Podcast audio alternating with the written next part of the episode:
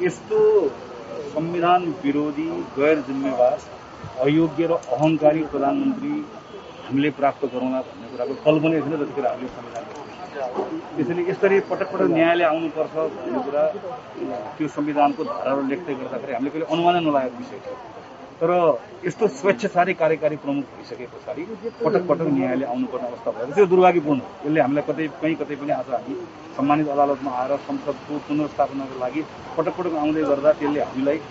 हाम्रो आफ्नो कर्तव्य त पुरा गरेका छौँ तर यसले हामीबाट उत्साहित हुनुपर्ने अवस्था छैन। यो दुर्भाग्यपूर्ण हो कि पटक पटक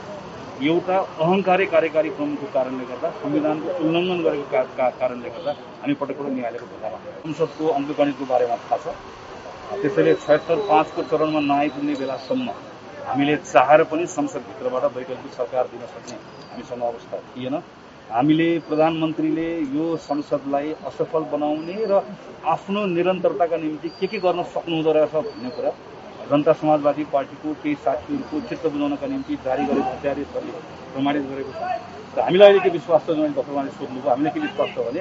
सम्मानित अदालतले संविधानको धारा र केही महिना अगाडि आफैले गरेको व्याख्याको कारणले गर्दा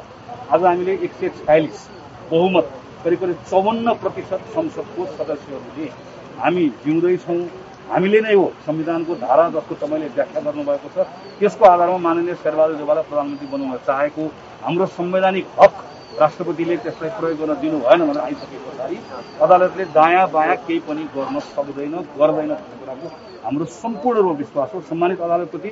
हाम्रो सम्पूर्ण भरोसा यस कारणले गर्दा पनि छ कि केही समय अगाडि अदालत आफैले यसको बारेमा व्याख्या गरेको त्यसमा टेकेर अबको केही दिनभित्रमा यो संसद पुनर्स्थापित हुन्छ। चौवन्न प्रतिशत सांसदले आज हामी आफै यहाँ उभिएर यहाँ उपस्थित भएर हाम्रो आफ्नो संवैधानिक हकको त्यो हामीले अवलम्बन गर्न पाऊँ भनिकन यहाँ यो माग राखेको हुनाले गर्दा योभन्दा दायाँ बायाँ हुने कुराको म त कुनै पनि सम्भावना देख्छु